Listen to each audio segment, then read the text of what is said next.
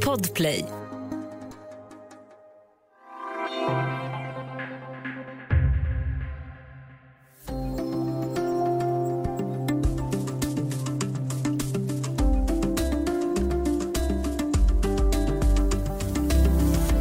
Över 25 miljoner människor i Afrika söder om Sahara lever med hiv.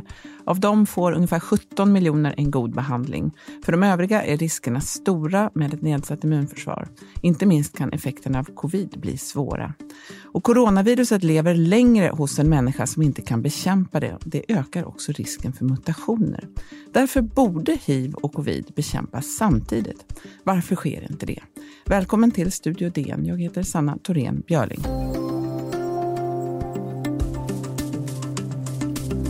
Ja, olika varianter av sars-cov-2 skrämmer vettet ur oss. Ska vi tillbaka till de hårda restriktionerna nu och biter inte vaccinet?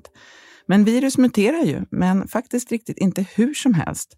För att reda ut vad det här betyder så har vi med oss DNs vetenskapsredaktör Maria Gunther. Välkommen! Tack så mycket. Du, I normala fall så är virusmängden hos en person som har smittats av covid-19 störst i början. Vad händer sen? Ja, alltså först så växer ju viruset till när man har blivit infekterad. Så här, och, eh, men sen slår ju immunförsvaret tillbaka om man har ett normalt fungerande immunförsvar. Så att man, ja, forskarna säger att ja, efter två, tre dagar, under, då har man som mest virus och sen så minskar det. Och sen så efter eh, sju eller nio dagar så har man inga virus kvar som förökar sig i kroppen. Eller nästan ingen i alla fall. Mm.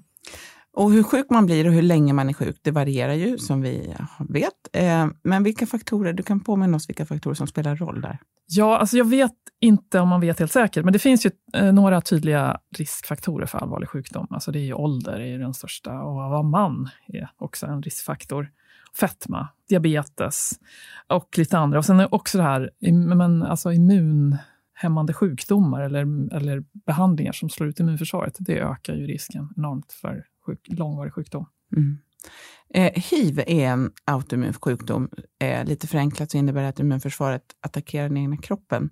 Eh, vad händer med immunförsvaret hos en hiv-smittad person? Alltså, hiv-viruset då, det angriper alltså vissa eh, vita blodkroppar som ingår i immunförsvaret, alltså de som kallas T-celler, en viss typ av T-celler. Och T-celler är ju alltså förenklat, deras uppgift är att de, att de eh, tar, eh, hittar infekterade celler och tar bort dem. Men när hiv-viruset slår ut de här cellerna så får man ju då nedsatt immunförsvar. Mm. Så då så. fungerar inte det eh, som det ska. Det finns ju numera eh, väldigt bra bromsmediciner mot hiv, så man kan leva ganska normalt eh, om man får dem.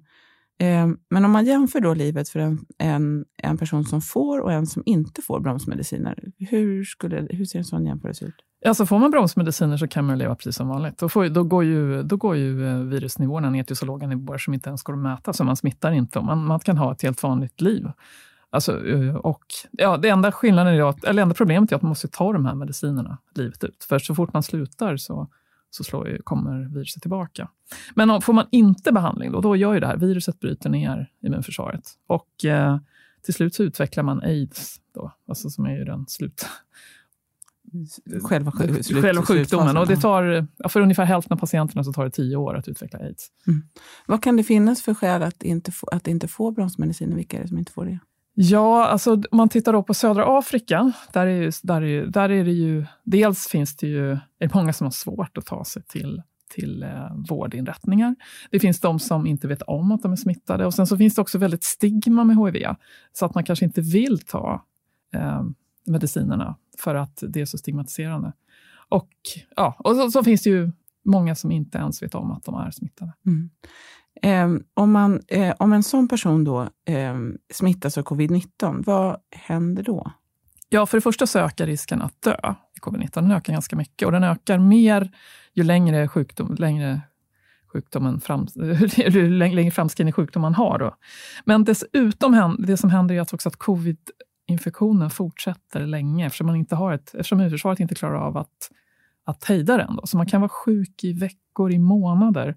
Och, och det är ju, dels är det ju illa för en själv, men det gör också att viruset fortsätter att föröka sig i kroppen och får massor med nya möjligheter att mutera och bilda nya varianter som kanske är ännu farligare. Då. Så, att, så just när man, de här, man tittar på den här, eh, den här varianten omikron, som man nu har hittat i Sydafrika, så den har ju väldigt många mutationer på ställen som är viktiga för vårt immunförsvar. Och det är ganska troligt att just, just, just som den typen av multimuterade virus som kan uppstå i en person som har haft viruset så här pass länge.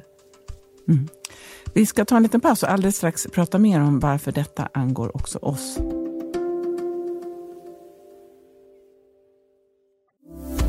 Studio DN idag. Vi pratar om hiv och covid med DNs vetenskapsredaktör Maria Gunther. Så om viruset överlever då och är kvar länge i en person så ökar risken då för att det muterar. Hur vet man det? Ja, så dels har man ju undersökt det. Alltså den här, det kom en studie nu i veckan i Nature från en grupp sydafrikanska forskare där de bland annat berättar om att de har följt en, en hiv-smittad kvinna. Som hade, hon hade fått behandling, men behandlingen funkade inte. Och hon var sjuk i eh, hon var sjuk i covid i alla fall sex månader. Och då har de under, under den här perioden har de flera tillfällen då Eh, kartlagt virusets arvsmassa och har de sett liksom hur nya, hur nya eh, mutationer har uppkommit. Och som, mutationer som påminner om de som vi känner till från i andra, andra såna här farliga varianter som vi redan har sett. Och det farligaste är egentligen när immunförsvaret inte är helt utslaget. För att, alltså, så att det finns ett litet immunförsvar kvar som försöker bekämpa viruset, men misslyckas. Då. För då ökar liksom pressen på att det här viruset eh, muterar i just de ställena där, där, som immunförsvaret kan angripa. Så att det blir liksom, viruset lär sig lite? Ja, viruset lär sig lite, ska man säga. Men alltså, det, det är egentligen då att de, de virusvarianter som, som utvecklar de här, de överlever. De andra, så då blir det mer farligare virus som dels kan ta sig vid vårt immunförsvar. Och sen är det också samma delar som immunförsvaret angriper, det är de som vaccinen angriper också.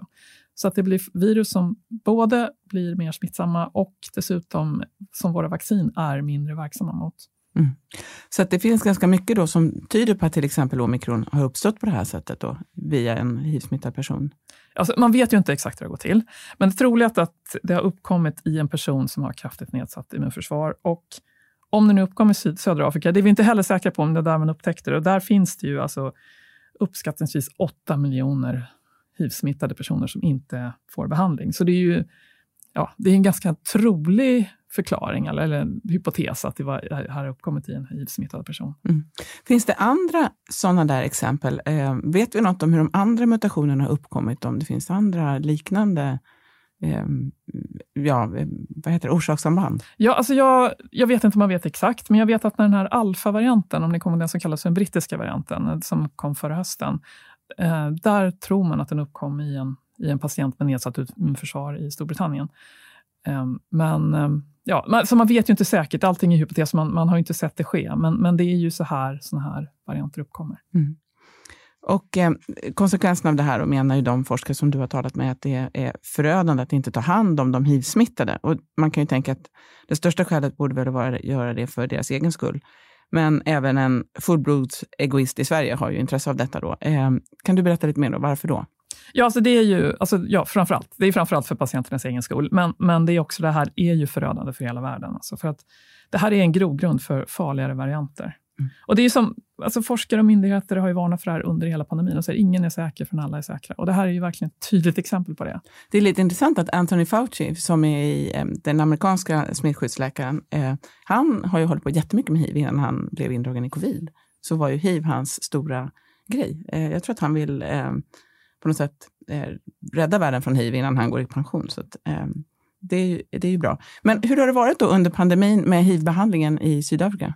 Alltså det har varit mycket svårare att få behandling. Alltså det har varit brist på mediciner och det har varit enormt tryck på vården. Alltså det är massor med vårdpersonal som har dött i covid i Sydafrika.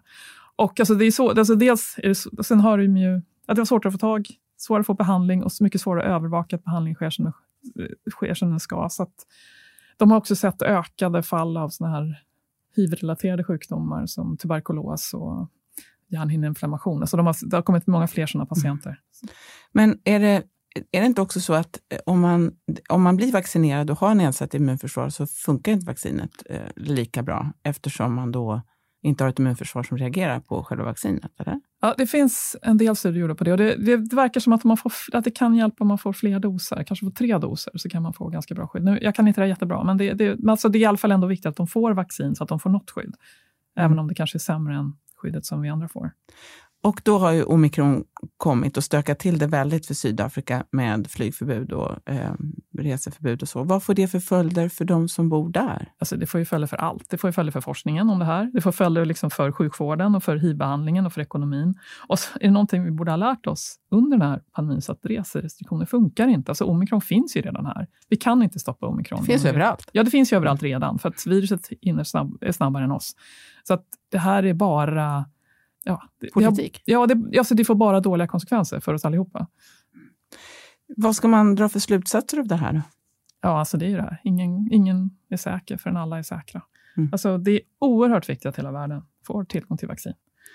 Och annan medicinsk behandling, då, alltså hiv-behandling då också. Mm. Och att, att de här sjukdomarna måste bekämpas tillsammans. Finns det andra sårbara grupper i världen, jag tänker på de som är hiv-smittade till exempel, eh, som på motsvarande sätt då ökar risken för mutationer? Ja, alltså det här med obehandlad HIV, det är tydligen ännu, ett ännu större problem i Ryssland och i forna Sovjet. Så att det är det här, såna här liksom grogrunder för nya, för nya eh, virus kan, kan uppstå liksom på många olika ställen i världen. Ja. Vet man ännu hur eh, WHO eller Covax och så ser, ser på det här? Alltså, det här är ju något som WHO har varnat för hela tiden. Alltså det, jag har själv skrivit flera artiklar om det här liksom, under pandemin, att varför det är så viktigt att se till att hela världen får vaccin. Och att vi inte bara vi sitter och hamstrar i rika världen. Men det har vi gjort i alla fall. Jag menar, alltså det här Covax är ju det här internationella samarbetet som ska se till att alla får vaccin.